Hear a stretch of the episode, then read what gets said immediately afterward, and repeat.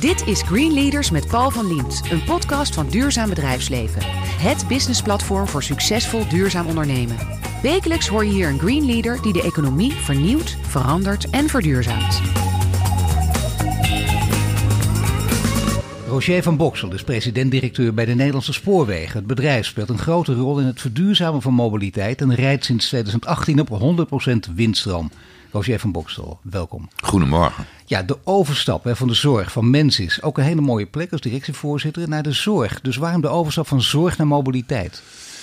Nou ja, het is, ze hebben, alle twee de domeinen hebben natuurlijk heel veel logistiek in zich. Uh, als je kijkt naar hoe in een ziekenhuis uh, patiëntenstromen ja. worden geleid. Uh, langs verschillende afdelingen, onderzoeksafdelingen, behandelafdelingen. Dat, dat heeft ook iets logistieks.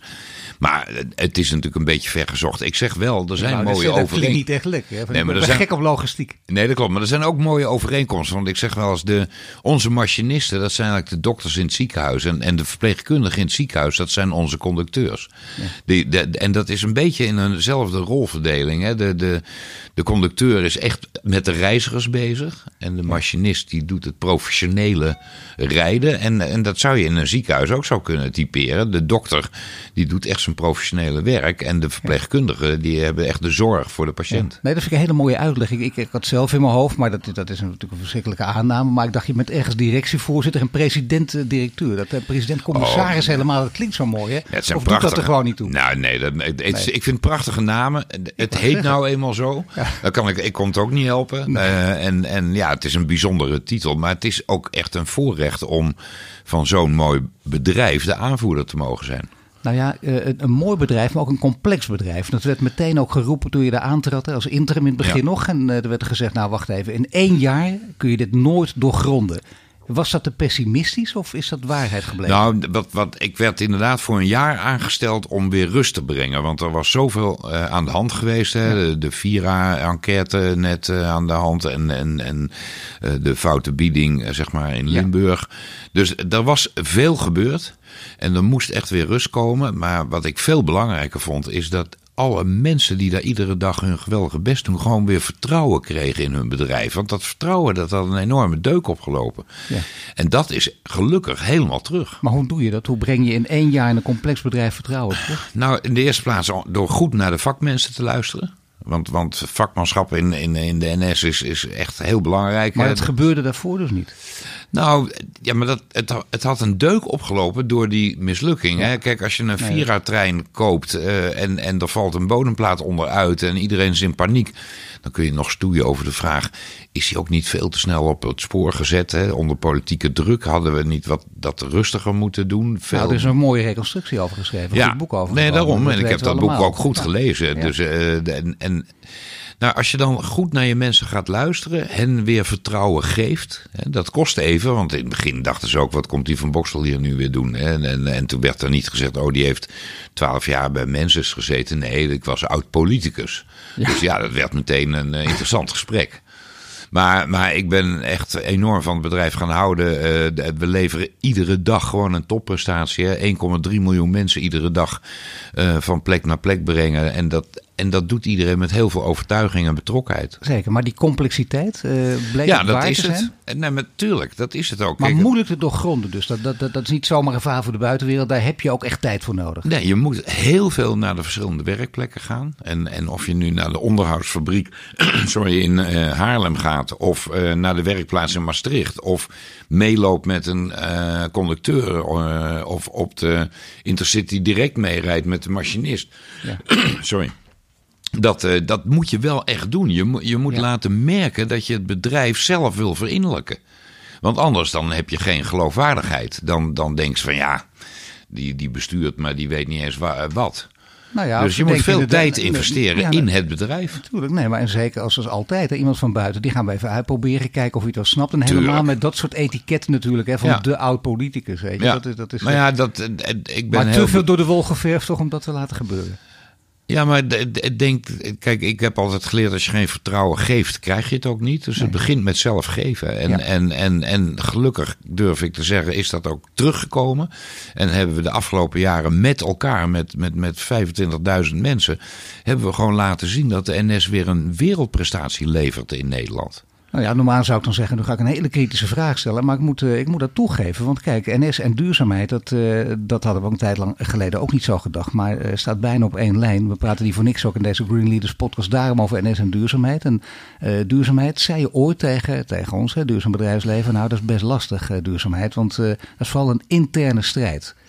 Ja, dat is het vaak. Uh, het mooie bij NS was dat ik daar uh, al letterlijk in een rijdende trein stapte. Er, er waren al volop plannen om uh, de NS helemaal op windenergie te laten rijden en, en niet meer op diesel.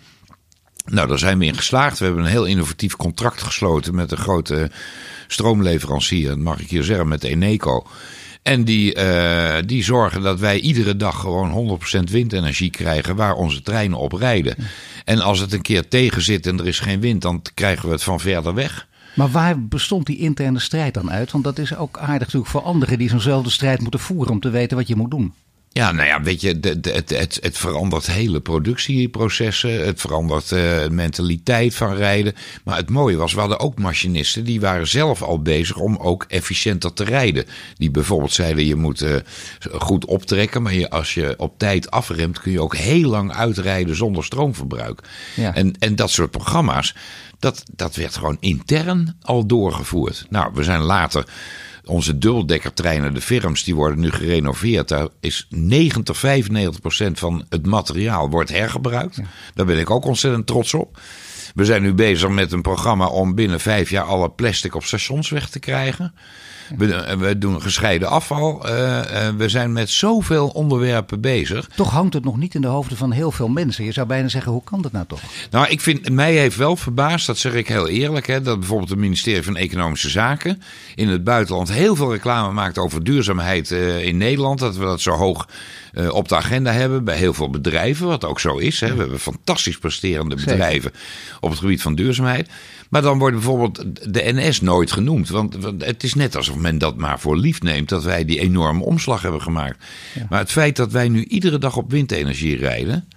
Dat betekent dat wij gewoon een hele dag stroomverbruik van de stad Amsterdam hè, hebben inverdiend.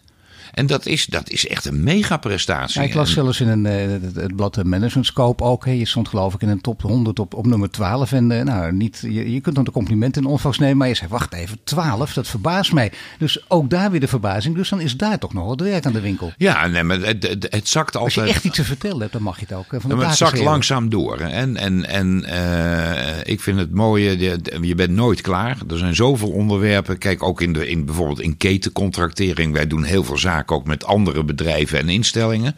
In het uh, kopen van producten of het verkrijgen van diensten. Ja, en je kunt ook in ketencontractering bewaken. Doen wij nou genoeg met duurzaamheid? Hè? Letten wij nou op alle inkoop die wij als NS ook doen? Of we dat ook doen met bedrijven die ook duurzaamheid hoog in het vaandel hebben staan? We zijn eh, bezig met uh, autootjes bij stations te plaatsen, elektrisch.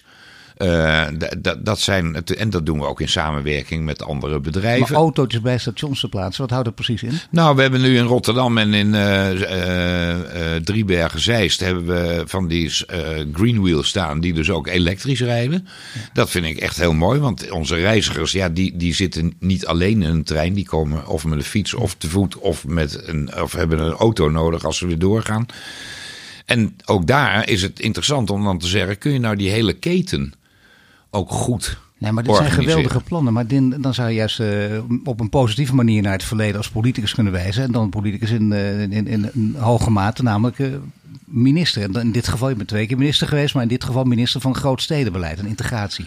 En dan toen al nadenken over mobiliteitsplannen. Dit is ook een groot mobiliteitsplan. Maar zeker. Van deur tot deur. Ja, maar ik vind, ik vind het interessant als je kijkt naar de ontwikkeling van Nederland nu de komende jaren dan zie je dat de, de groei in de steden, in en rond de steden, gewoon doorzet. We, hebben, we bouwen nu, eh, er zijn plannen om ik geloof 350.000 woningen alleen al in de Randstad daarbij te gaan bouwen. Een deel eh, bij Rotterdam, een deel bij Amsterdam in het westelijk havengebied. Uh, bij Leiden. De, dus het, het, het, wordt steeds voller. Utrecht groeit enorm. Ja, dan moet je ook nadenken over waar gaan die mensen wonen en werken? Hoe ontsluiten we dat? Wat is de mobiliteit die daartussen gevraagd wordt? En daar zie je wel een lichte verschuiving van, van het asfalt van de weg naar het spoor. En dat is niet zo gek, want ja, op een gegeven moment is het op, hè, de ruimte voor, voor nog meer wegen. Het ruimte voor nog meer spoor trouwens ook, hè?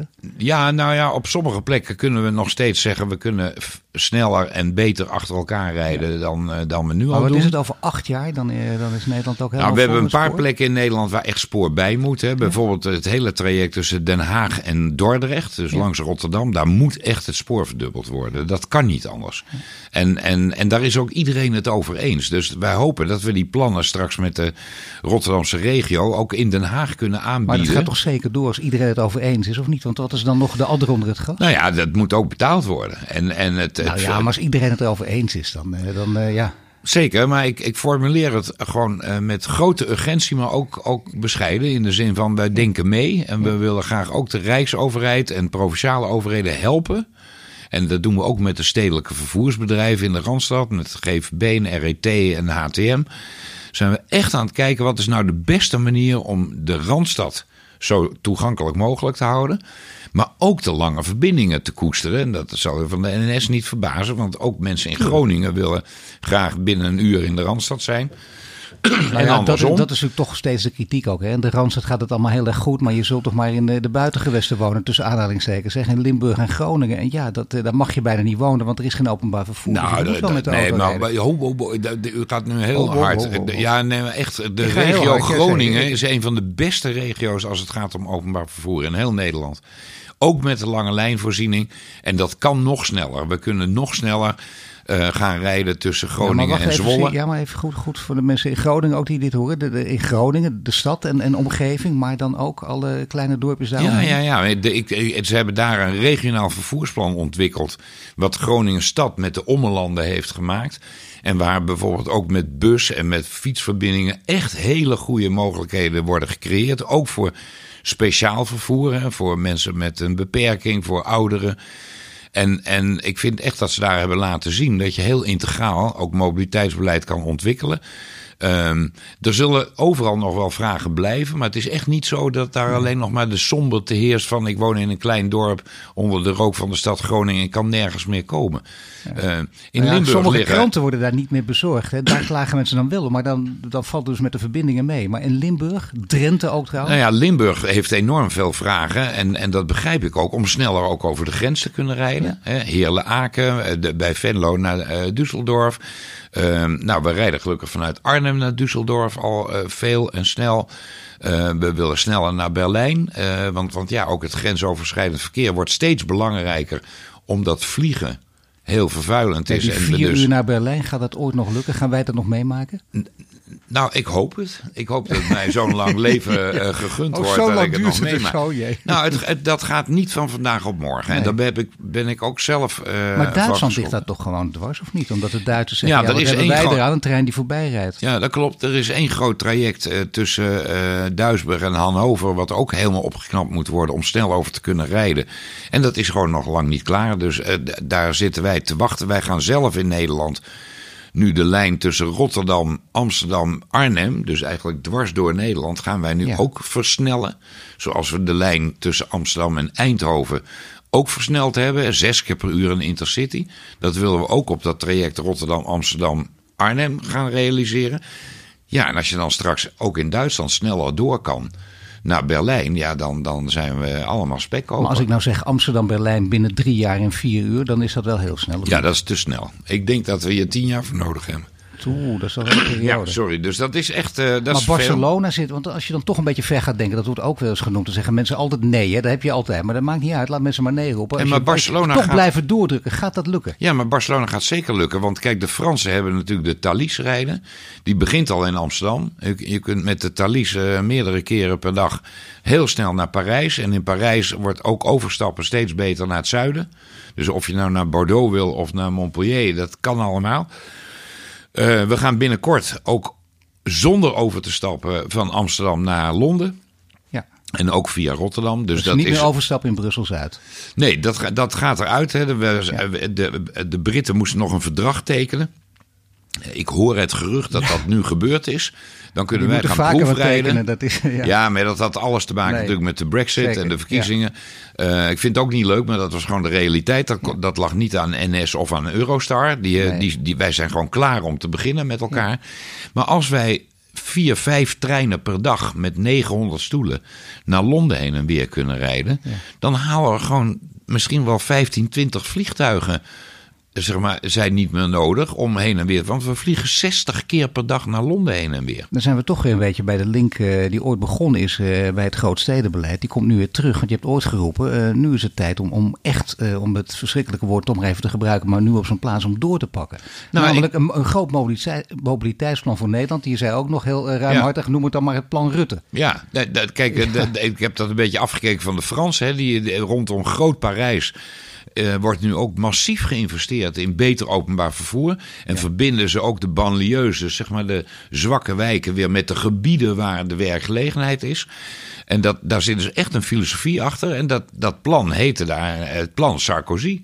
En ja, dat, dat, dan kreeg het meer gewicht, omdat iedereen dacht: ja, nee, dat is toch echt van de, van de president. Of eh, zou je zeggen, in Nederland van de minister-president. Maar omarmt Rutte dit ook, dit plan? Nou ja, ik, ik, ik, gelukkig begint het kwartje steeds meer te vallen bij hem. Dat hij, kijk, eh, Rutte is een fantastisch premier, maar hij houdt niet zo heel erg van het woord visie. Want dat vindt hij allemaal afleiden van de dagelijkse zaken doen. Maar hier heb je toch wel visie nodig om te zeggen: waar brengen we nou Nederland naartoe de komende jaren? Er zijn zoveel voorbeelden van visie dat je denkt: wat fijn dat mensen dat ooit bedacht hebben. Ja, en, ik, en, en je, gelukkig zie je dat ook steeds meer bestuurders. Maar ook, het grappige is, ik, ik zit, de NS zit nu uh, bij, uh, met collega's in de Mobiliteitsalliantie. Met de ANWB, met de BOVAG, met de RAI. Ja. Dat was vijf jaar geleden omgedacht. Ja. Had iedereen gedacht, gaan auto- en treinpartijen met elkaar in één samenwerkingsverband? Ja, omdat wij allemaal zien dat als we Nederland concurrerend willen houden, economisch sterk en duurzaam, dan moeten wij ook in de mobiliteit wij zijn dienstbaar aan waar gewerkt en gewoond wordt. Maar dan moeten wij echt stappen gaan zetten om dit land letterlijk in beweging te houden. En steeds meer samenwerken, zelfs tussen NS en ProRail, zeg ik er nog maar even bij. De spoorbeheerder. We spraken hier ook in deze reeks met de Pier Eringa. En dan merk je dat ook persoonlijke contact een rol speelt. Want hij zei, Roger en ik zijn geestverwanten. Nee, maar, dat hij, heeft wel, hij, heeft nu wel een opvolger, John Foppen. Is het ook, ook een geestverwant? Ja hoor, ik kan het ook met hem heel goed vinden. maar je kan en, niet met iedereen geestverwant zijn.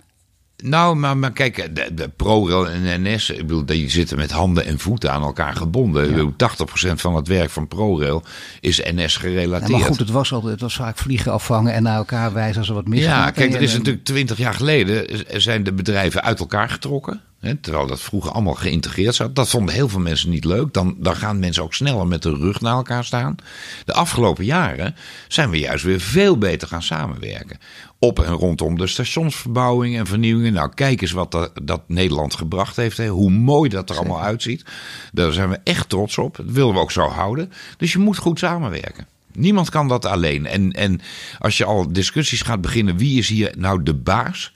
Dat zijn eh, vaak de verkeerde invalshoeken. Kijk, en dat zegt ook de president-directeur. Dat is een hele mooie. Je hoort Roger van Boksen van de NS. En zojuist vertelde hij over duurzaamheid bij de NS. En straks praten we verder over zijn persoonlijke achtergrond.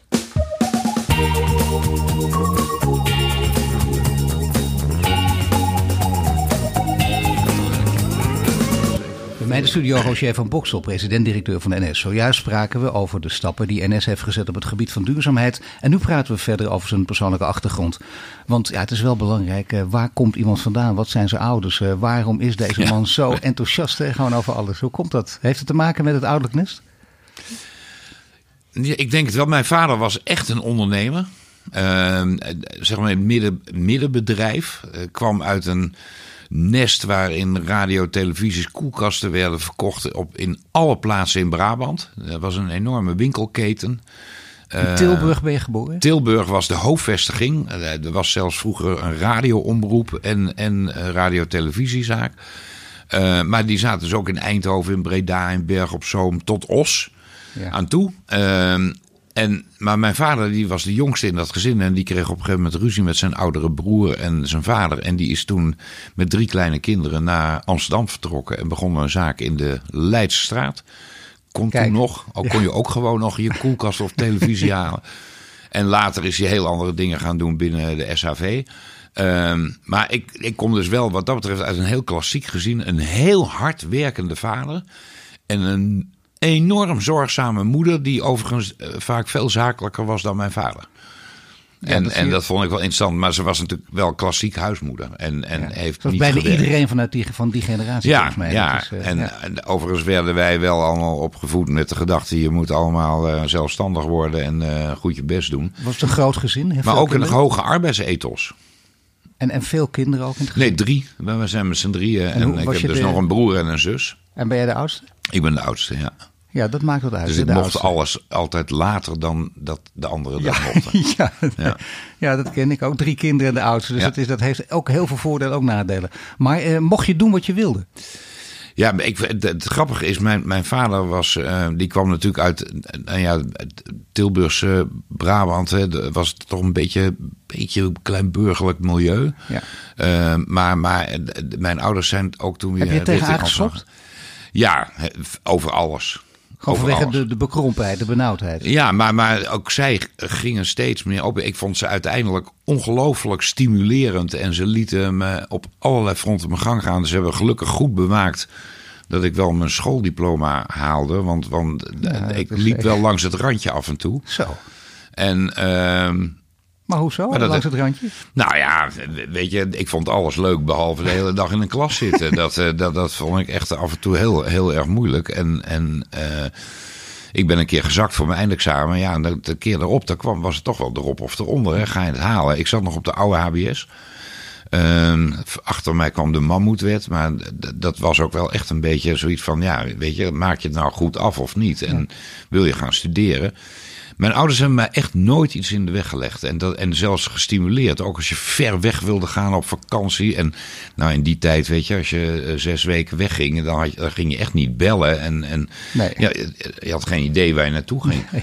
Maar mijn ouders vonden dat allemaal... Niks op Instagram zetten, dat kon allemaal niet. Dat was er gewoon niet, nee. hè. En, maar ze vonden het ook echt prima om, om ons gewoon die mogelijkheden allemaal te maar bieden. speelde, speelde religie geloof een rol? Zeker, zeker. Mijn, mijn, mijn, mijn vader is, is zelfs, was echt zeer overtuigd katholiek. En mijn moeder ook. Alleen mijn moeder was echt van de school van ik beleid dat gewoon individueel. Die, die was helemaal niet zo van je moet iedere week naar de kerk. Ja. Terwijl mijn vader had dat wel. Die, toen wij ja. jong waren, ja, moest iedere zondag naar de kerk. Ja, maar dat is toch een wereld om je enorm tegen af te zetten. Dat kan niet anders. Nou ja, dat gebeurde in die tijd ook. Hè, de was je ook missionair of niet? Of, uh... Ik ben, uh, dat heb ik niet lang volgehouden. De, de, de, de, de priester in de kerk in Amstelveen waar ik missionair bij was, die zei na zes weken, ik geloof dat ik liever heb dat jij nu naar huis gaat.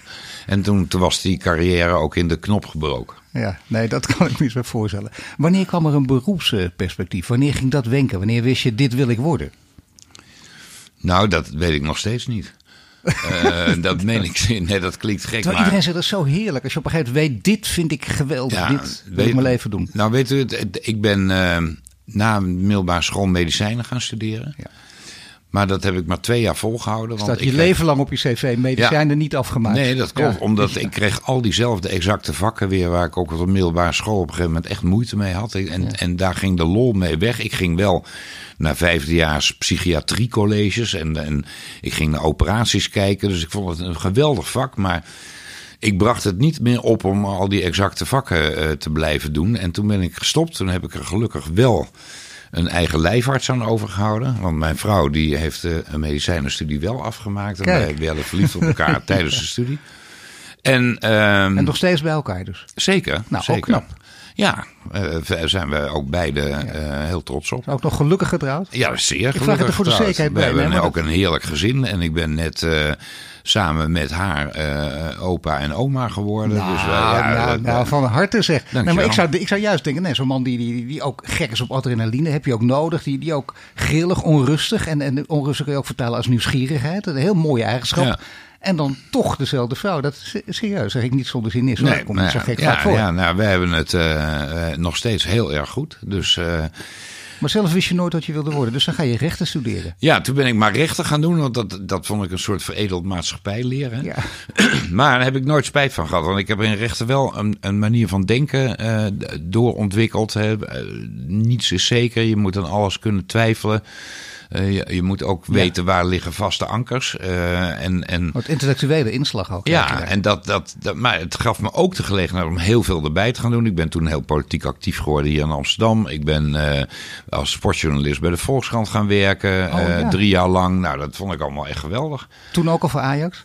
ja, ik was toen echt al. Ik, vanaf mijn achtste ging ik al naar de meer. Dus ja, ja ik ben echt heel erg van Ajax. Ja. En dat mag je bij de NS ook in deze positie gewoon blijven roepen. Want er zijn heel veel, heel veel. Ja, ja maar, ik, maar, maar ik, ik stam nog echt uit de tijd dat je ook met respect over je tegenstanders sprak. En, en, en niet. Uh, we hebben toen zo'n periode gehad dat er overal meteen knokken was en uh, verschrikkelijk. Daar, daar hou ik helemaal niet van. En, ik, ik weet nog dat ik als 12-jarige jongen voor het eerst in de Kuip kwam. En daar heb ik echt mijn leven lang ook grote waardering voor Feyenoord gehouden. Om, omdat ik dacht, ja, weet je, wat een prachtige club, zo'n mooi stadion. Uh, maar ja, ik ben wel van Ajax, maar ik zeg het met veel respect ook bijvoorbeeld naar Feyenoord. En PSV? Nou ja, het zie ik iets anders. Kijk, ik, van echte Eindhovenaren hoorde ik altijd dat de echte Eindhovense club vroeger was Eindhoven en niet PSV. Hè? PSV doet het nou nu op het ogenblik niet heel goed, maar ze hebben natuurlijk ook een geweldige periode gehad. Uh, uh, maar ja, ze hebben een aantal jaren was het altijd een soort. De, de, de spelers die bij Ajax uitgespeeld waren, gingen daarna naar PSV. En, en, uh, maar goed, toen later kregen ze natuurlijk mensen als Romario en Ronaldo. Ja, dat werd ook Eindhoven werd gewoon een prachtige club. Jij bent een man die, die zegt dat je, dat je nooit, eigenlijk nu nog steeds niet weet wat je worden wil. En dat is eigenlijk een heel mooi devies voor mensen die dus een hele mooie carrière willen, willen volgen. Want dat, heb je natuurlijk allemaal voor elkaar gekregen. Je bent er nog steeds mee bezig en druk gaande.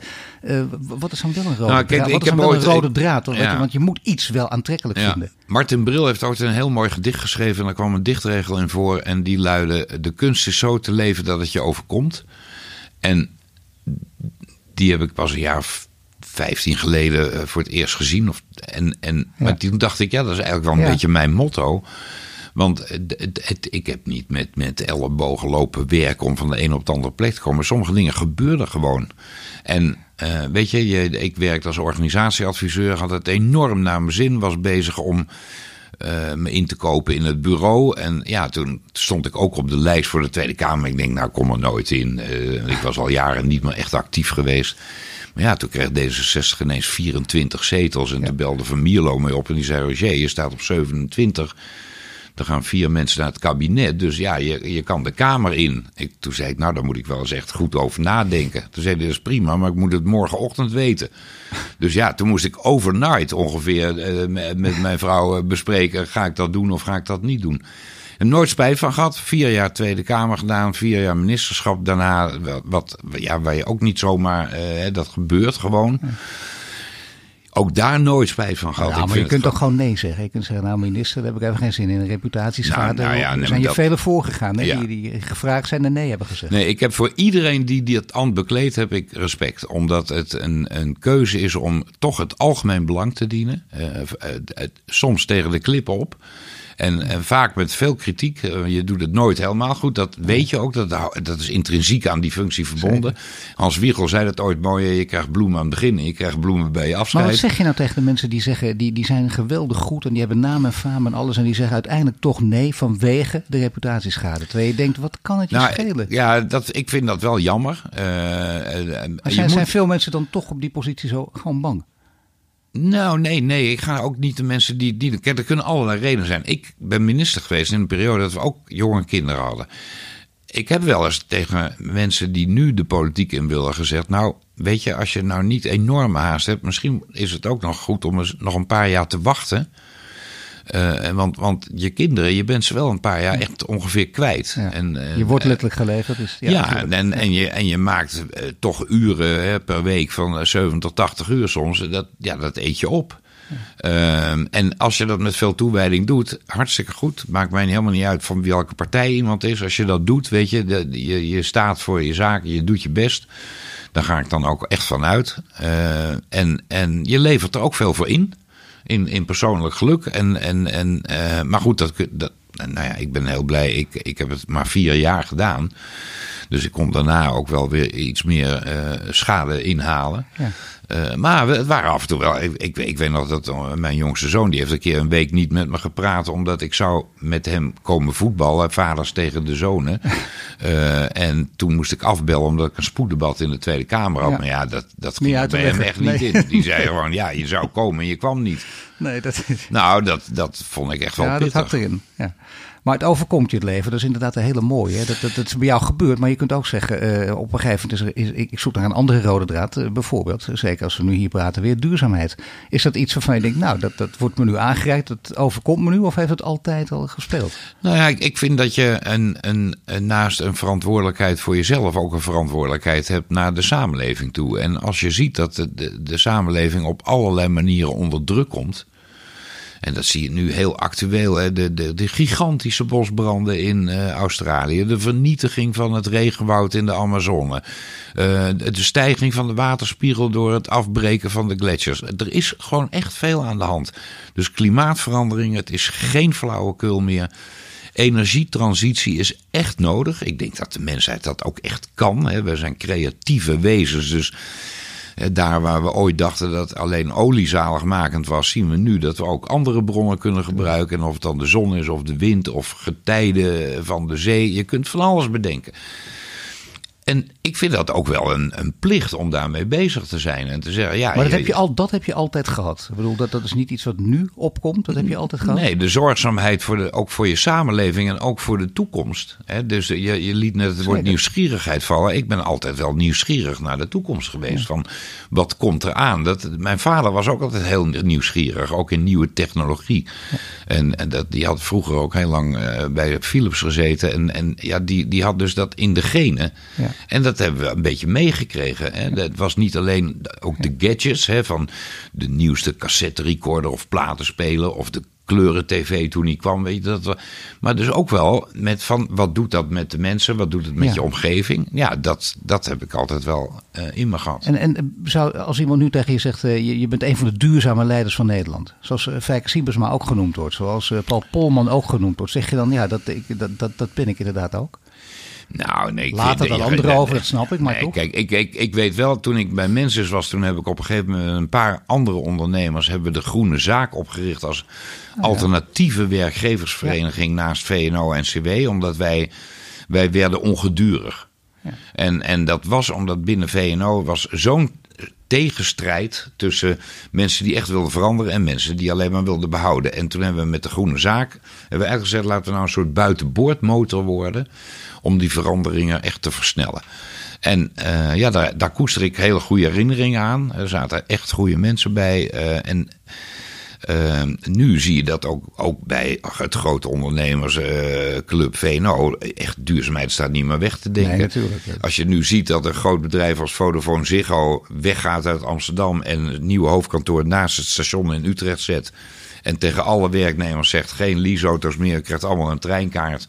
Want wij gaan gewoon in stedelijke gebieden gaan wij met het openbaar vervoer.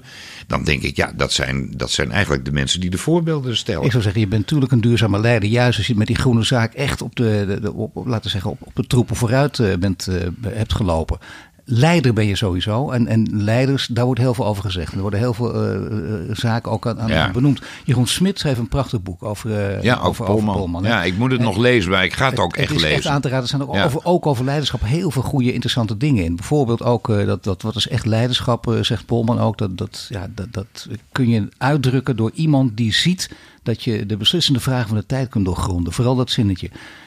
Vind je iets, is het ook iets wat jou typeert? Beslissende vragen van je tijd op de grond of is dat veel te groot? Nee, nee, nee, nee ik, ik probeer dat wel. Maar, maar nogmaals, ik, vind dat je me nu in een rijtje plaatst. Dat vind ik altijd heel aanmatigend. Om ik zo maar uit. Nee, maar maar ja. het is wel waar. Nee, maar wat, wat, wat mij intrigeert. Kijk, bij NS heb ik naast met, met collega's de laatste jaren dus echt weer gewoon de prestatiecentrales tot rust gebracht. Maar ook nu geagendeerd de vraag hoe gaat dit bedrijf zich nou verder ontwikkelen?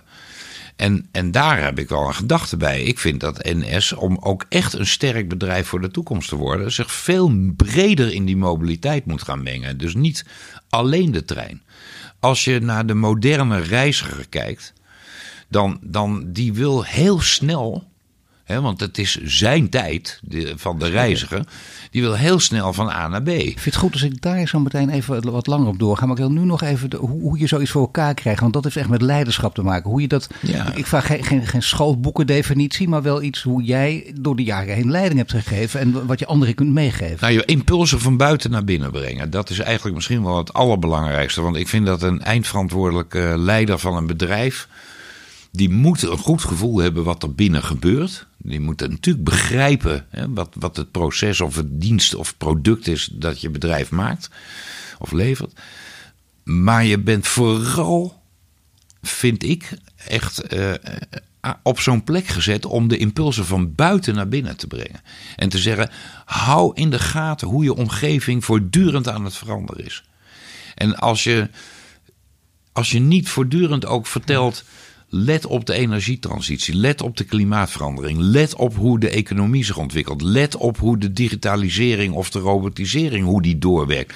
Wat betekent dat voor de arbeidsmarkt van de toekomst? Hoe vertaalt zich dat in zo'n bedrijf als NS? Wat ga je daarmee doen? Ja, dat vind ik misschien wel je allerbelangrijkste taak. Nee, is geweldig. Maar dat betekent ook dat je dus juist niet iemand bent die op de winkel past, maar die dit soort dingen steeds oproept. Maar dat geeft ook vaak bij mensen die niet uh, deze ingesteldheid hebben, een soort onrust brengt dat teweeg. En hoe kun je dat kanaliseren? Nou, door ook wel maat te houden. Je kunt niet alles tegelijk. Dus je moet ook wel weer gevoel hebben voor timing, voor prioriteitsstelling, voor. En, en goede mensen om je heen die het ook bij wijze van spreken oppakken, overnemen, doorgeleiden. En dan moet je ook vertrouwen weer aan geven. Moet dat per se uh, divers zijn? Uh, meer dan 30% van de vrouwen bij de leidinggevende is vrouw bij de NS. Een, ja, kleur, zeker. een kleurtje daar ontbreekt het nog aan. Is, is dat belangrijk? Of is dat, uh, ja, ik vind dat zelfs cruciaal. De, de, en, en, en zelfs met, met, met het kleurtje zijn we nu volop bezig, ook binnen NS, om ook mensen af en toe gewoon echt op posities neer te zetten om te laten zien we veranderen ook echt. Maar hoe doe je dat? Want ik bedoel, je kunt dat niet met quota afdwingen. Nee, maar wel door, door, door voortdurend. Ik, gisteren zat ik nog met de collega's. Wij doen ieder kwartaal een people review. Dan nemen we alle topleidinggevenden door en dan kijken we hoe gaat het daarmee en wie beweegt naar binnen, wie beweegt naar buiten. En daar agenderen wij voortdurend ook bij de vraag hoe blijft de man-vrouw verhouding in beeld? En waar zien we ook dat we letterlijk af en toe een beetje van kleur veranderen? En dat is, ja, ik vind dat gewoon noodzakelijk. Wil je ook je geloofwaardigheid en je betrokkenheid en je wortels in de samenleving houden waar je je diensten aan verkoopt? Aan het woord is Roger van Boksel. Net spraken we over duurzaam leiderschap. En zometeen praten we verder over hoe de trein binnen Europa een echte concurrent kan worden van het vliegtuig.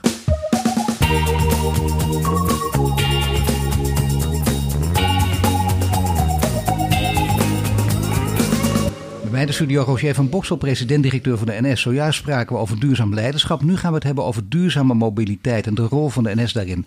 Want daar ging het om, hè? duurzame mobiliteit in Nederland in 2030, 2050. Vooruitkijken, impulsen van buiten uh, naar binnen brengen. En, en uh, naar beide kanten voortdurend kijken. Hoe ziet het eruit als je dat landschap gaat schetsen, ideaal gesproken? Nou, kijk, cynici zeiden 10, 15 jaar geleden wel eens hardop... nou, die trein die, die, die bestaat over uh, 10, 15 jaar helemaal niet meer. Ja. Ik denk dat, er, dat dat totaal veranderd is. De trein zal echt een heel wezenlijk onderdeel blijven... in de ontsluiting van ons land en ook op het continent. Juist omdat je daar die enorme uh, duurzaamheidstransitie doormaakt... Uh, in Oostenrijk rijden ze nu helemaal op waterkracht. Wij rijden op windstroom. Dat is, er zijn enorme veranderingen aan de gang. Het gaat om grote volumes die je kunt verplaatsen van mensen. En tegelijkertijd probeer je de individuele beleving zo groot mogelijk te maken. Want, ja, individuele beleving wil zeggen niet van ik zit weer in een overvolle trein, ik nee, heb weer geen plaats. Maar, noem maar op. Je wil, je wil dat, dat mensen graag de gasvrijheid ervaren. Dus al, als je op een station binnen bent, als je kijkt hoe mooi onze stations in de grote steden in Nederland geworden zijn, dat is echt ongekend. Hè? Twintig jaar geleden en zo'n luxe allure uitstralen in Rotterdam, dat, dat herinner ik mij nog de eerste dag. Waanzinnig mooi. Ja, en maar ik noem ook Breda, Arnhem, Amsterdam, uh, Centraal Station, maar ook Den Haag Centraal, Utrecht Centraal. Prachtige plekken geworden. Uh, we zijn nu op andere plaatsen ook bezig om te kijken, kunnen we het daar beter maken. Ehm, Mag ik even, ik vind het heel interessant. Je kunt ook over, meteen over technologische innovatie beginnen, maar je begint hierover. Dus ook over, over hospitality, gasvrijheid. Ja. Heel belangrijk. Je ziet ook mensen de trein eens even wennen. Ja. Maar het is een heel verschil met de Nurkse mensen van vroeger. En nu is het altijd toch eh, goedemiddag, goedemorgen. En soms ben je in gedachten verzonken en je ziet mensen denken laat maar. Maar het is helemaal niet slecht om dat door Wij te vinden het zetten. ook heel belangrijk om, om mensen hebben, te hebben rondlopen in de stations, op de perrons. Minder de oude formule van je zit achter een balie en de mensen. Gewoon veel meer tussen de mensen kun je acuter. De meeste mensen lezen nu al hun reisinformatie in de telefoon. Eh, eh, daar komen ook steeds meer voorzieningen bij. Hè? Dus wat we wel als mobility as a service noemen.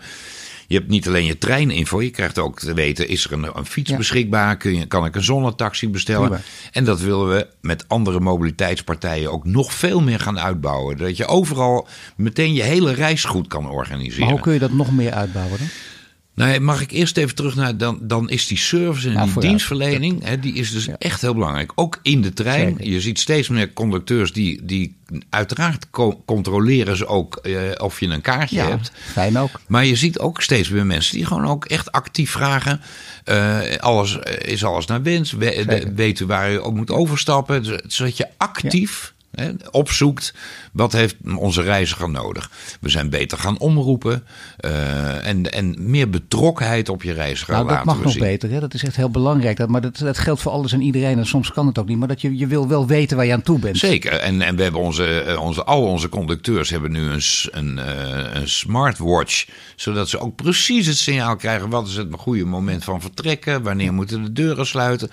Dus Mag ik er dan één puntje van kritiek misschien bij hoor. kijken? Want dat is wel lastig. Eh, De, de zelffelicitatiedienst. hè. Wij komen precies op tijd binnen op station Leiden. Dat denk ik, ja, kom op Nou ja, dat, dat, Nou dat ja. doet toch ook iets met mindset. Voor ja, ja, dat, is- ja, dat is een hele Kijk, vroeger Dat eh, snap ik, vond iedereen het hilarisch om maar te blijven roepen eh, vertraging. Kijk, ik Ja. maak nog wel eens het grapje Nee. als ik ergens een, een vergaderzaal binnenkom en ik ben net een minuut te laat. Dan zeg ik eens, ja, sorry, NS hè. En dan moet iedereen ook fris klap. Maar de, de werkelijkheid is dat we Nee, steeds zeker. meer op tijd rijden. En, en ja, ik vind dat ook wel mooi dat je dan die, die mindshift... Nee, ik begrijp dat heel goed. Dat je je ook ja, hebt stimuleren. Ik begrijp we- dat heel goed. Misschien maar houden we daar op een gegeven moment een keer weer mee Misschien op. wel, ja. maar we roepen ook zorgvuldig om. En sommige mensen vinden het te veel. En anderen vinden het weer te weinig. En weet je, wij zijn ook een, een, een leuk land met 17 miljoen opvattingen. Dus iedereen heeft ook verstand Maar we moeten niet ervan. te verwend raken. Hè? Want inderdaad, altijd kun je wel zeggen... ja, maar Japan heeft het nog beter, altijd beter. En daar heeft ook allerlei redenen. Maar Nederland zit ook heel hoog. Hè? Nou, echt eh, heel hoog. En, en ja. kijk, Japan heeft natuurlijk, eh, doordat ze een enorme oorlog hebben gehad en plat gebombardeerd zijn geweest, hebben ze heel veel nieuwe Ja. treinen kunnen aanleggen. Treinsporen. D- dat hebben wij niet. Wij rijden op 160 jaar oud spoor. En, en er is af en toe wel eens iets bijgekomen of iets weggegaan. Maar grosso modo rijden we op een heel oud, lang bestaand netwerk. In Japan kunnen alle hoge snelheidstreinen op een eigen spoor rijden. De Shinkansen. Shinkansen rijdt op een eigen spoor. Ja, ongehinderd. Geen wissels, geen kruisingen, geen overwegen. Ja, dat is natuurlijk fantastisch. Eh, daar kunnen wij nooit tegenop. Wij, wij zijn gelukkig, net als de Zwitsers, hè, doen wij het hier in Europa echt, echt top. Uit ervaring kan ik zeggen dat je mooi dat gasvrijheidsverhaal, dat, dat, dat, waar- je ziet echt dat er slagen gemaakt zijn. Hoe dan ook. Zeker. Dat is afgelopen jaar gebeurd. Maar de technologische innovatie is natuurlijk ook heel, heel Ja. interessant. En die Wat- gaat wat ook gaan, heel Wat gaan hard. we merken? Nou, wat we merken is, hè, dat heet dan ATO in ons eh, begrip. Hè, dat is Automatic Train Operation. Dus dan zeggen ze wel eens, dat is een trein zonder bestuurder. Nou, er blijft altijd een machinist op de trein. Hoor. Ja, dat toch? geef ik Niet de zelfrijdende trein, daar gaan we niet. Maar de treinen, dat is nu al, die gaan al voor Ja, dat is driekwart, is het al ongeveer eigen traject. Maar niet de zelfrijdende auto en de zelfrijdende trein. Daar gaan we niet, eh, dat, dat rijtje gaan we niet Nee, kijk, voltooien. ik, ik, ik- nou, eh, op hele korte stukjes. Hè, je hebt wel eens op, je kunt op vliegveld Charles de Gaulle of in Londen kun je al zien dat een metrolijntje heen en weer rijdt zonder een, een, een bestuurder voorop. Ja. Op kleine kopstaartstukjes kan zoiets wel, maar als je moet rijden, een ingewikkeld netwerk. Dan, ik stap ook niet in een vliegtuig waar niemand voorin zit. Echt niet. Dat gaat nooit gebeuren. Dat denk ik echt. Dat vertrouwen. eh, Je, je hebt toch het idee, ja, als er een keer iets misgaat, hoop ik dat er toch nog iemand ook ouderwets aan een knuppel kan eh, zitten. Of bij ons aan, eh, aan, aan het stuur kan draaien. Voor de zekerheid, over mindset gesproken. Nee, dat oké. Maar daar worden ook stappen gemaakt. Maar wat zijn echt grote technologische stappen? Mag ik, mag ik een voorbeeldje geven? Ja. De, de app wordt natuurlijk nu uitgereikt. alles moet op elkaar aansluiten. Letterlijk NS van deur tot deur. Of mobiliteit van deur tot deur. En alle partijen bij elkaar zetten. Dat vind ik ook enorm ja, Maar dat gebeurt echt nu. En dat gebeurt. Dat is gewoon onderweg. Wat, wat, wat ook gaat helpen, een moeilijk woord, artificial intelligence. Eigenlijk is dat niet meer dan hoe ga je om met al je kunstmatige gegevens, je data die je krijgt, kun je slim Wat je nu al ziet is dat wij nu al experimenten doen met uh, zitplaatskanszoeker in de app zodat je als een trein binnenkomt, je eigenlijk al kan zien waar zijn nog lege stoelen. Zodat je op het perron al eigenlijk kan gaan staan waar je uh, ook meteen kunt zitten. Uh, nou, dat zal in de spits af en toe uh, moeilijk blijven, want het groeit tegen de klip op, zeg maar. En dat vinden we fijn, maar dat betekent dat je niet altijd meer kan zitten. Oh, in de, in de uh, uren overdag is er genoeg zitplaatskans. Maar dan is het ook fijn als je snel kan zien. En er zijn allerlei nieuwe technieken. Dat kan je doen door het gewicht eh, in de stoel te meten of allerlei andere indicatoren. Dat moeten we wel doen met ook behoud van privacy. Dus dat doen we allemaal heel zorgvuldig. Maar we zijn nu met vijf grote bedrijven met artificial intelligence echt aan het samenwerken. Ook om de kennis en kunde in Nederland beschikbaar te houden. Want al die jongens en meisjes die dit studeren en die dat heel goed doen, die vliegen allemaal meteen naar China en naar Amerika. En, en, en, en, we willen ze ook graag van Nederland. Dus met KLM samen met ING, met Ahold en met Philips en de NS hebben we echt nu gezegd: die artificial intelligence willen we ook ten nutte ja. Van onze klanten beter gaan inzetten. Ja, dat is ontzettend leuk dat we dat doen. Maar geweldig. In, in die zin ook een hele mooie tijd waarin we leven natuurlijk. Ja. Als je kijkt naar eh, de marge op de treinkaartjes, die, die is niet zo hoog. Dus je zou andere dingen gaan verzinnen. Eh, je kijkt, eh, dat, dat doe je zelf ook heel vaak naar Japan, ook hier weer. Ja. een Japan, een spoorbedrijf, exploiteert een ziekenhuis vlakbij. Dat is in Nederland om alle redenen nog heel erg lastig. Maar ik geloof, de grond, de grond is wel van de stations, is van, van de NS. Dus dan kun je, kun je gaan bouwen. Ja.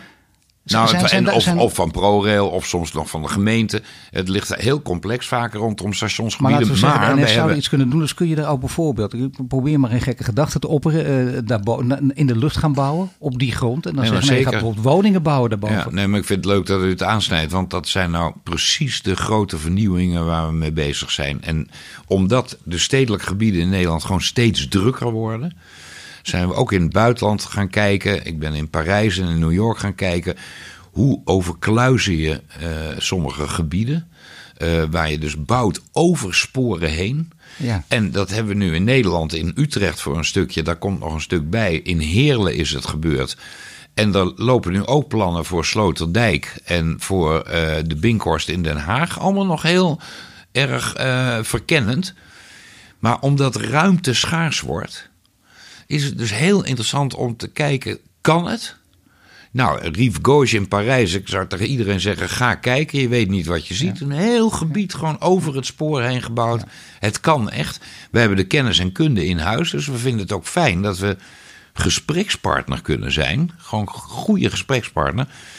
Van architecten, van stedelijke uh, ontwikkelaars van stadsbesturen die, die zeggen, nou, met NS en, en ProRail samen kunnen we echt nadenken over hoe we onze binnensteden verder mooi inrichten en, en werkbaar en leefbaar houden.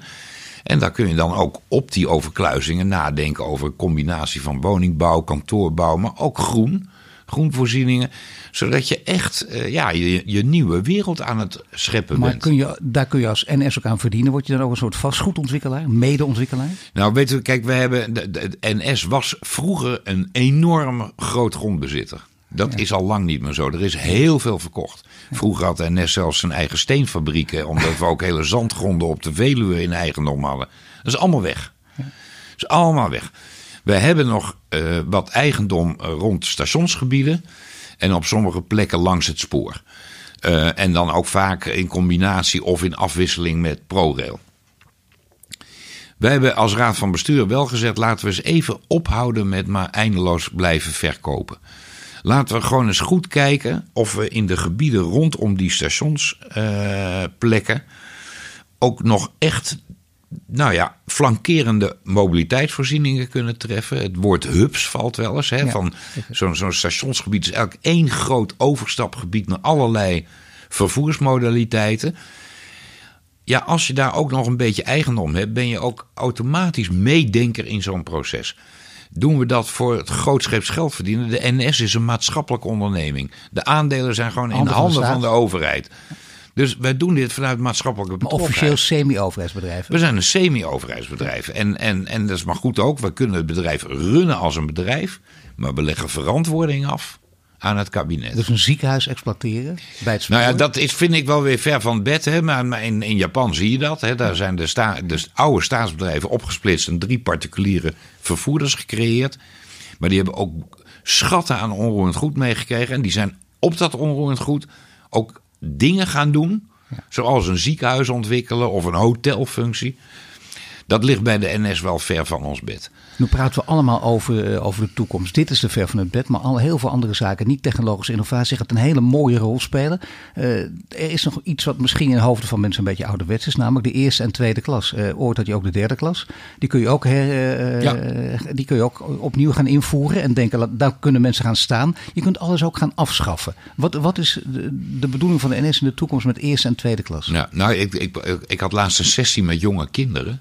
Dat was wel heel grappig. Die zeiden, ja, wij begrijpen niet waarom u niet ook wagons heeft waar gewoon alleen maar van die beugels in hangen. Dat je daarin kan nou, blijven staan. Want dan kun je het kaartje goedkoper maken. Toen dacht ik, het is wel echt heel interessant gedaan. Maar het lijkt me ook weer niet heel veilig om een heel wagon met alleen maar staande mensen. De, kijk, er is behoefte aan een eerste klas. Maar die hebben we wel kleiner gemaakt. In volume, in, in aantal. Um, omdat sommige mensen echt zeggen: ik wil als ik overdag gebruik maak van die trein, wil ik en rust en ik wil echt kunnen werken. En dat kan ook in een trein. Hè? Ja. Die hebben wifi, die, die, je kunt gewoon stiltecoupés.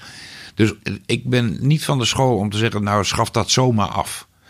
Het is in de spits wel heel lastig, want dan is het soms zo druk dat mensen ook in de eerste klas gaan staan. Ja, en, uh, niet te controleren ook. Is bijna niet te doen. Nee. De, de, de, de, HC komt bijna niet meer door de trein In de spits kun je gewoon eerste klas staan met je tweede klas kaart. Nee, we hebben nu echt hè, trajecten Amsterdam-Haarlem en, en, Amsterdam naar Den Haag. Nou, dat is in de ochtendspits echt zoveel. En dat ja. groeit op het ogenblik met 6, 7 procent per jaar. Toch zou wel iets, moet daar iets aan gebeuren. Want ja, die mensen die eerste klasse stoert kijken, ik heb meer betaald en kijken ja. dat nee, niet ik, snap ook, ik snap ook dat mensen daar uh, af en toe over klagen.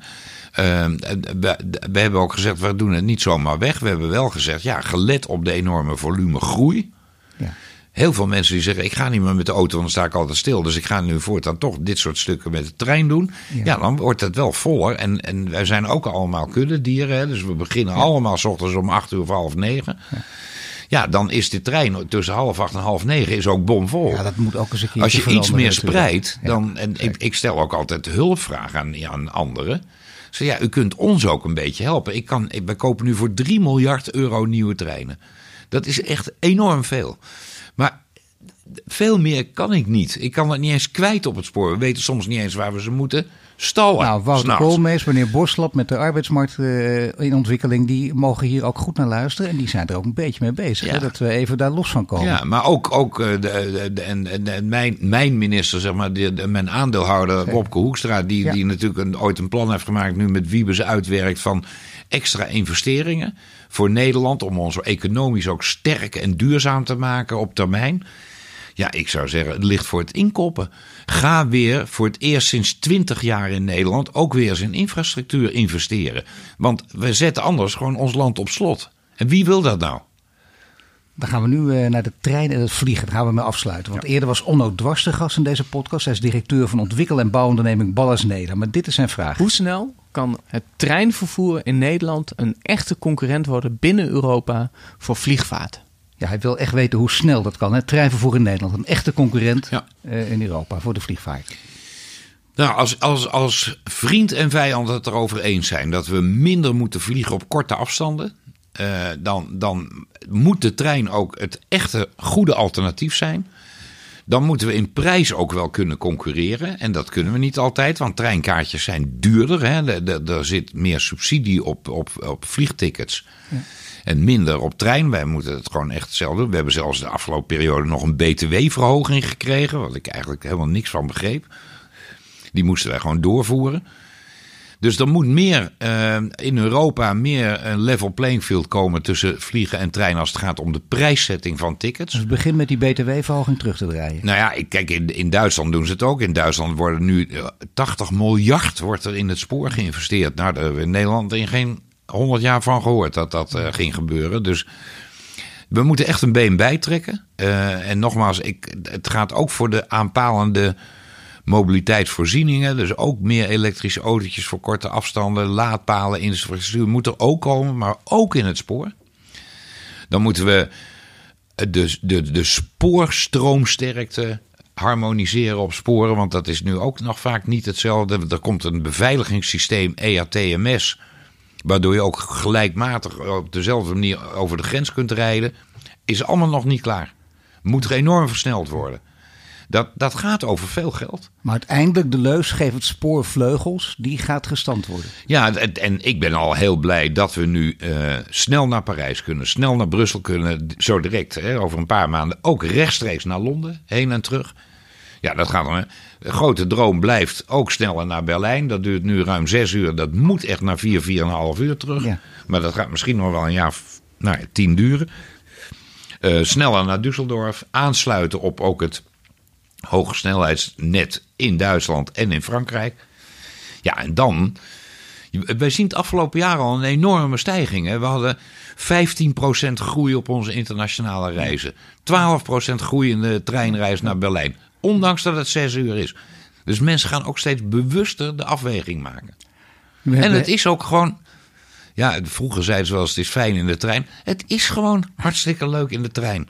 Ja, het is leuk in de trein, maar sommigen vinden het ook nog steeds heel leuk in de auto. Het zou wel mooi zijn als de president-directeur van de NS zegt: Ik ben misschien meer een autorijder. Ben je meer een autorijder of, een, of toch een Nou, nee, kijk, ik heb, ik heb alle fases doorlopen. Ik, ik, toen ik in uh, Amsterdam woonde en in Den Haag werkte, ging ik altijd met de trein. Ja. Daarna werd ik consultant, werd, had ik klussen door het hele land en verschillend. En soms op drie afspraken op drie verschillende plekken. En toen heb ik jaren echt ook heel veel auto gereden. En nu zit ik regelmatig in de trein, maar ik gebruik ook nog de auto. En ik heb privé, uh, en dat vind ik altijd heel leuk om te zeggen, ik heb één oldtimer. en dat vind ik echt geweldig. En dat is echt, echt de meest, meest uh, ja, dat is echt zo'n oude Amerikaanse bak. Ja. die, die vroeger gebruikt werd om van oost naar west te rijden. Uh, ik weet niet of ik hem nog lang hou hoor, maar ik vond het altijd. Dat was een soort. Ik heb toen ik door Amerika lift, heb ik ooit in zo'n auto gereden. Zo'n zo'n enorme. Uh, Beetje een nostalgische oldtimer. Ja, echt. En. en uh, nou ja, dus ik, ik, ik ben van alle vervoersmiddelen. Ik, ben, ik vind ook fietsen. Fiets, Nederland is een fietsland, dus dat moeten we ook koetsen, koesteren. En daar de voorzieningen steeds beter voor maken.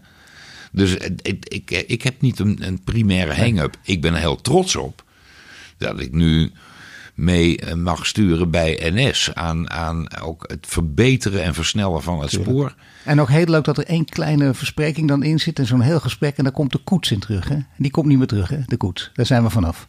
Ja, die koets zijn we. Heb ik, heb ik het woord koets laten vallen? Ja, net per ongeluk. Oh, nee, nee, de, koets, de koets komt niet terug. Uh, wat, wat ik wel nee, interessant even, vind. Ik vraag het toch, maar je weet het nooit. Nee, wat ik wel interessant vind, maar dat is ook nou ja, niet makkelijk, maar, maar hè, weer iets meer comfort in de trein. Hè, zeker als we weer de, de nachttrein naar Wenen komt weer terug.